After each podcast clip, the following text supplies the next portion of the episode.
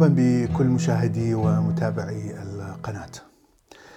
أتكلم اليوم عن آه، فكرة آه، إرضاع الأطفال وفكرة الأخوة بالرضاعة. آه، هذه الفكرة منتشرة طبعا بشكل كبير في المجتمعات العربية وهذه الفكرة لم تأتي مع الأديان الإبراهيمية آه، إنما كانت موجودة حتى قبل هذه الأديان. حتى نعرف كيف بدأت هذه الفكرة يجب أن نعرف لماذا آه، كان هناك مهنة آه، المرضعة التي يعني ترضع أطفال آخرين. هذه المهنة تعود إلى تقريبا ثلاثة آلاف سنة قبل الميلاد وبدأت في مصر لأن هناك دائما أمهات تنجب أطفال ويص... يعني يصيبون بمرض معين أو جسمهم لا ينتج حليب كافي للطفل ولهذا فهم يلجؤون آه، نساء آخرين آه، عندهم آه، قدرة على إرضاع أطفال كثيرين لأن كمية الحليب تكون كبيرة جدا. وهناك كثير من البحوث العلمية التي تفسر لماذا هناك نساء يعني ينتجون كثير كمية كبيرة من الحليب آه، وهناك نساء لا يستطيعون آه، إنتاج آه، هذه الكمية.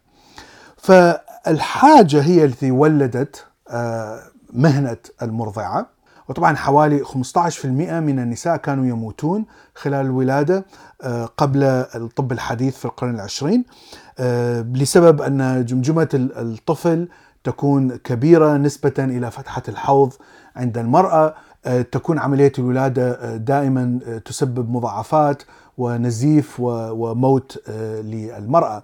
وسبب كبر الجمجمة طبعا إلى آه، كبر حجم الدماغ الذي آه، بدأ يزيد حجمه من خلال التطور بجنس البشر منذ مليونين ثلاث ملايين سنة إلى وصولا إلى الإنسان والنياندرتال والذين الاثنين يحتوون على الدماغ الكبير حجم الدماغ الكبير. ولم أجد بالضبط آه، أين آه، تكونت فكرة الأخوة بالرضاعة آه، لكننا نعرف أنها كانت موجودة قبل الإسلام مثلا في المجتمع العربي. اذا لماذا بدأ الإنسان في المجتمعات العربية يؤمن بأن هناك شيء اسمه أخوة بالرضاعة أو كيف أن الحليب الذي يأخذه الطفل يتحول إلى شيء أشبه بالدم أو قرابة الدم.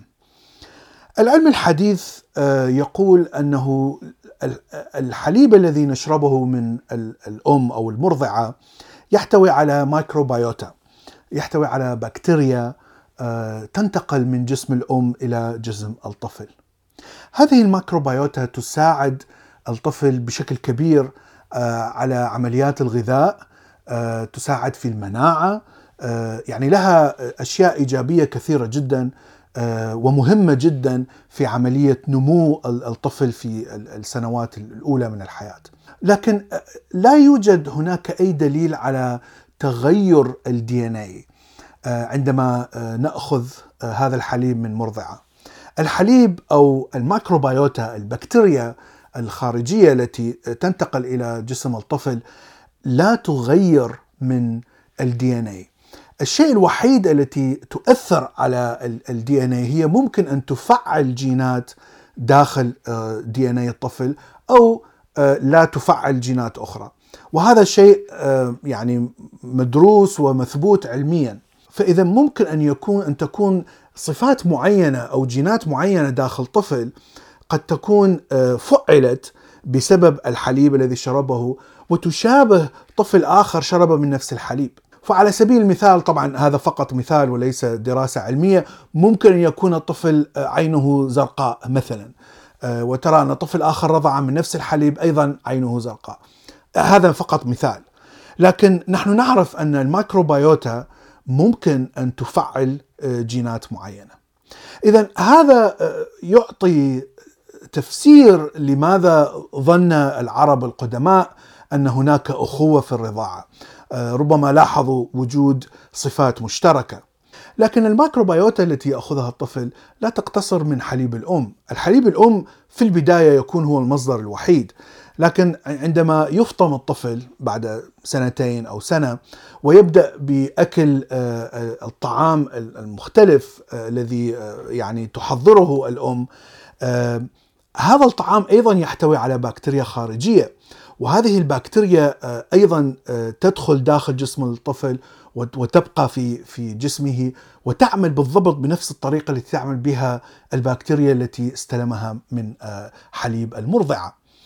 أيضا أي اتصال جسمي مع الطفل الأب العم الأخ مع أنه ليس له علاقة بالمرضعة مثلا أو أهل المرضعة لكن أهل عائلة الطفل نفسه آه، فمثلا إذا كان هناك آه، تقبيل للطفل مثلا أو حمل للطفل الطفل سوف يأخذ آه، جزء من ال microbiota التي موجودة في ذلك الوسط. والشيء الآخر المهم أن ال microbiota لا تغير من ال DNA الذي يحمله الحيمن أو تحمله البيضة، طبعا حيمن من الأب والبيضة من الأم، لأن هذا ال DNA هو الذي يقرر الجينات التي آه، ستنتهي بالطفل الجديد أو الأولاد. الميكروبيوتا تؤثر على قابلية الرجل مثلا على آه، الإنجاب، آه، مثلا تؤثر على نسبة الحيامن، تؤثر على فعالية الحيامن. آه، وهناك دراسات قليلة في هذا الموضوع لكنها موجودة. وفي الجانب الآخر هناك دراسات أيضا آه، آه، في المرأة على الميكروبيوتا وتأثيرها في خصوبة البويضه لكن مع كل هذا التأثير إنها لا تغير بال DNA وهنا نعود إلى فكرة تحريم زواج الأطفال الذين رضعوا من مرضعة واحدة أو من من حليب واحد. فهذه الفكرة يعني علميا تكون خاطئة. يعني لا يوجد سبب آه، حتى لا يتزاوج هؤلاء الأطفال فيما بينهم. آه، لأنه فعليا ال DNA لم يتغير في البويضة أو أو الحيمن. حتى مع وجود الصفات المتشابهة فيما بينهم هذه فقط مجرد microbiota تعمل داخل أجسامهم. لكن لا يوجد آه، أي دليل على تغير ال DNA وال DNA هو الشيء الوحيد الذي يقرر أنك شقيق آه، شخص معين آه، فإذا لا يجب التزاوج مع هذا الشخص لأنه يكون قريب آه، من من جيناتك. يعني جيناتكم تكون قريبه قريبة جدا. لكن طبعا إذا كان هناك اثنين أغراب لكنهم رضعوا من من مرضعة واحدة يعني لا يوجد هناك أي سبب لعدم زواج هؤلاء الاثنين. وأرجو أن يكون هذا الجواب واضح. شكرا لكم وإلى اللقاء في حلقة أخرى.